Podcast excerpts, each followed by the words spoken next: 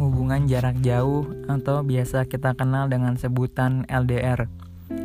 Banyak kisah yang tersimpan dari cerita LDR ini. Ada yang mereka LDR-nya berhasil, akhirnya mereka melahirkan cerita yang bahagia yang dapat membuat banyak orang iri dan terkesima bahwa oh ternyata LDR ada juga yang berhasil ya. Namun namanya juga netizen, mereka tidak melihat bagaimana sulit dan perih serta peliknya hubungan LDR itu karena mereka harus terpisahkan oleh jarak dan tak jarang waktu antar mereka pun juga berbeda. Apalagi kalau mereka terpisahkan oleh beda pulau, beda negara, dan beda benua. Otomatis itu bisa dikatakan sangat-sangat berat karena bukan cuma jarak yang berbeda, tapi waktu siang dan malamnya juga berbeda. Namun bagi karyan yang berhasil menjalankan LDR, gue salut dan terima kasih telah memberikan inspirasi bagi teman-teman yang saat ini sedang berjuang dan berusaha masuk ke tahap LDR. Namun, tak jarang juga LDR itu melahirkan kisah yang penuh dengan drama. Banyak dari kita yang gagal karena LDR sebenarnya nggak bisa disalahkan juga. Bukan berarti salah satu dari mereka tidak setia atau salah satu dari mereka tidak kuat dengan LDR. Tetapi layaknya manusia pada umumnya, mereka butuh sesuatu yang nyata, bukan sesuatu yang fana. Jika kita LDR, yang terlintas dan yang kita lihat selama ini hanyalah fana hanya layar yang pertemukan kita, bukan sosok nyata yang bisa menyentuh dan juga bisa diajak jalan ke mana saja, tapi hanya hanya layar dua dimensi yang nggak bisa disentuh, nggak bisa dirasakan, hanya bisa dilihat dan didengar dengan suara jarak jauh melalui teknologi yang saat ini berkembang. Makanya wajar saja kalau banyak LDR itu banyak orang yang LDR akhirnya tumbang dan gagal di tengah jalan. Karena mereka butuh sosok yang nyata, yang bisa hadir di dalam setiap kesedihan mereka, yang selalu ada ketika mereka sedang butuh.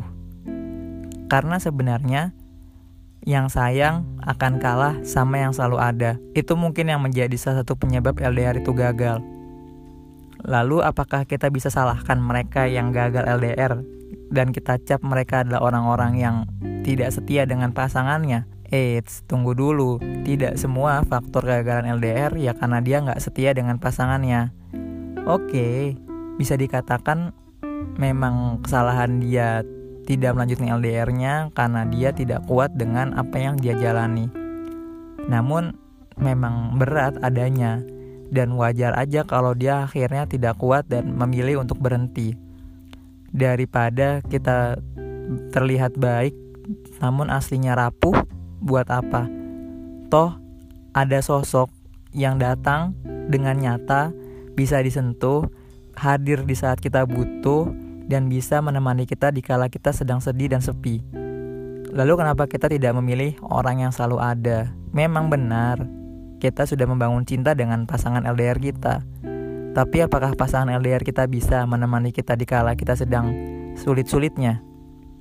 Atau menemani kita di saat kita sedang butuh ingin jalan-jalan sore atau sekadar menemani kita buat makan bersama. Tentu sulit. Makanya tak jarang banyak dari mereka akhirnya memilih untuk menyudahi hubungan jarak jauh karena mereka hanya melihat sosok yang fana, tak bisa disentuh dan hanya bisa dirasakan. Memang memang terkesan jahat, tapi jika mungkin posisinya kalian yang merasakan, tentu kalian bisa berpikir lebih jernih kenapa akhirnya tidak melanjutkan LDR. Namun terlepas daripada itu semua, gue tidak tidak menyalahkan yang LDR itu bagus, tidak menyalahkan yang tidak melanjutkan LDR itu buruk. Karena semua kembali kepada preferensi kehidupan mereka masing-masing. Plus bagaimana mereka menjalani dan merasakan hubungan mereka. Bagi gue di sini, ada hal yang lebih urgent dibanding LDR beda perasaan. Eh, maksud gue LDR beda wilayah Nah, yang menurut gue lebih urgent ialah LDR beda perasaan yang tadi udah gue sebutkan. Karena menurut gue, saat ini banyak orang sedang mengalami LDR beda perasaan. LDR beda perasaan itu jauh lebih berat dibanding LDR beda wilayah. Karena kalau LDR beda perasaan, lu doang yang merasakan jatuh cinta. Tapi dia nggak merasakan itu sama sekali. Biasanya LDR beda perasaan ini terjadi karena beberapa faktor. Yang pertama, bisa dibilang emang salah satu dari mereka memberikan perhatian berlebih kepada si lawan jenisnya. Entah dia lebih care, entah dia tiba-tiba menjadi seakan-akan membutuhkan si pasangan lawan jenisnya, entah tiba-tiba kontakannya lebih intens, atau hal-hal lainnya. Itu yang pertama yang membuat benih-benih perasaan itu muncul. Kemudian yang kedua, biasanya benih perasaan muncul dan menyebabkan LDR beda perasaan itu hadir karena intensitas pertemuan dan intensitas komunikasi nggak jarang kan banyak orang yang akhirnya jatuh cinta karena merasa nyaman karena dia sering ketemu dan sering ngobrol.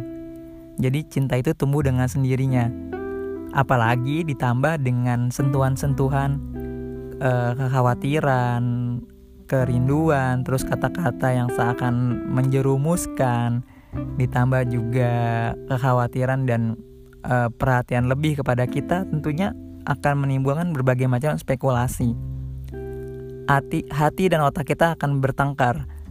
Otak bilang itu hanya uh, sentuhan biasa, tidak ada rasa lebih di dalamnya. Tapi hati berkata lain.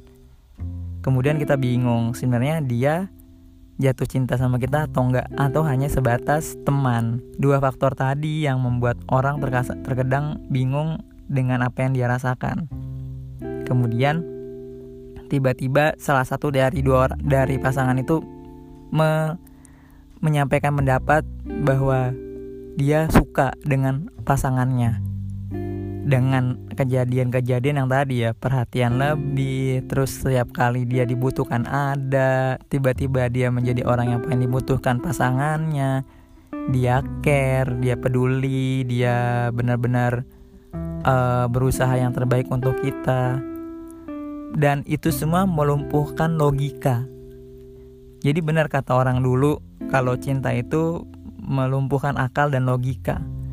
Ketika kita mulai jatuh cinta karena perasaan-perasaan tadi, karena rasa yang diberikan oleh lawan jenis kita, oleh pasangan kita, kita jadi lupa.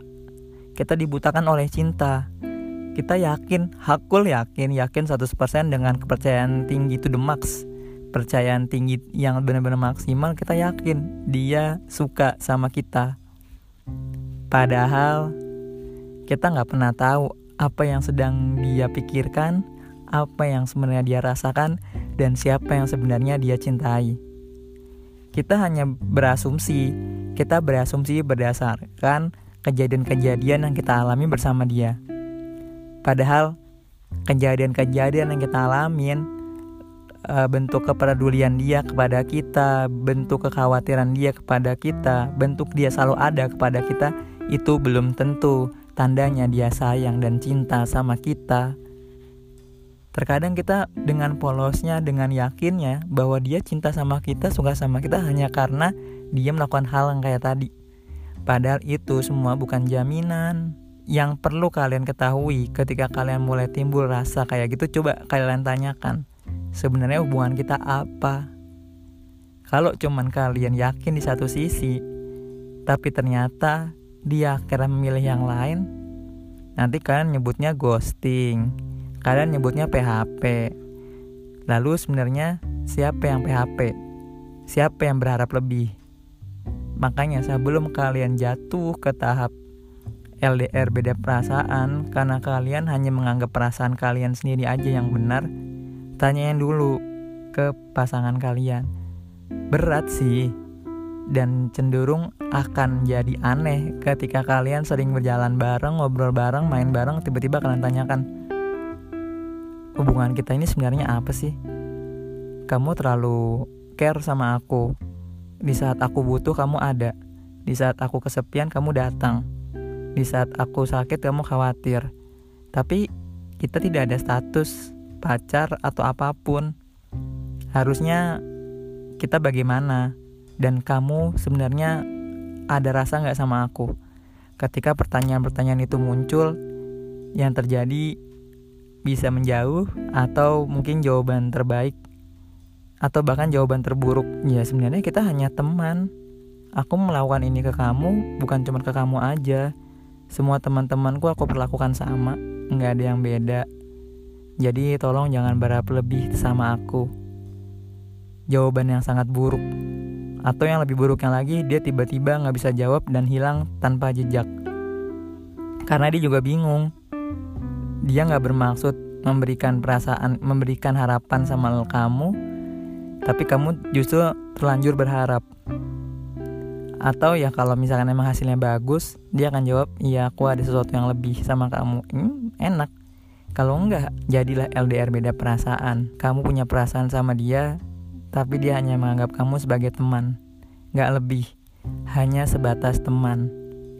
Namun kamu terlalu mudah terpengaruh dengan bisikan-bisikan manja, dengan kata-kata halus, senyuman manja, sentuhan-sentuhan yang membuat kamu jatuh dan meleleh, serta pedulinya dia Rasa khawatirnya dia ketika kamu sedang mengalami suatu hal yang buruk, kamu terlalu mudah menafsirkan bahwa itu cinta. Padahal cinta tidak bisa ditafsirkan dengan mudah. Cinta tidak bisa ditafsirkan dengan begitu gampangnya. Jadi, sebelum kalian merasakan LDR beda perasaan dan sebelum kalian terlanjur berharap kepada dia, pastikan dulu hubungan ini apa statusnya dan jangan terlalu berharap lebih daripada kalian sakit pada akhirnya.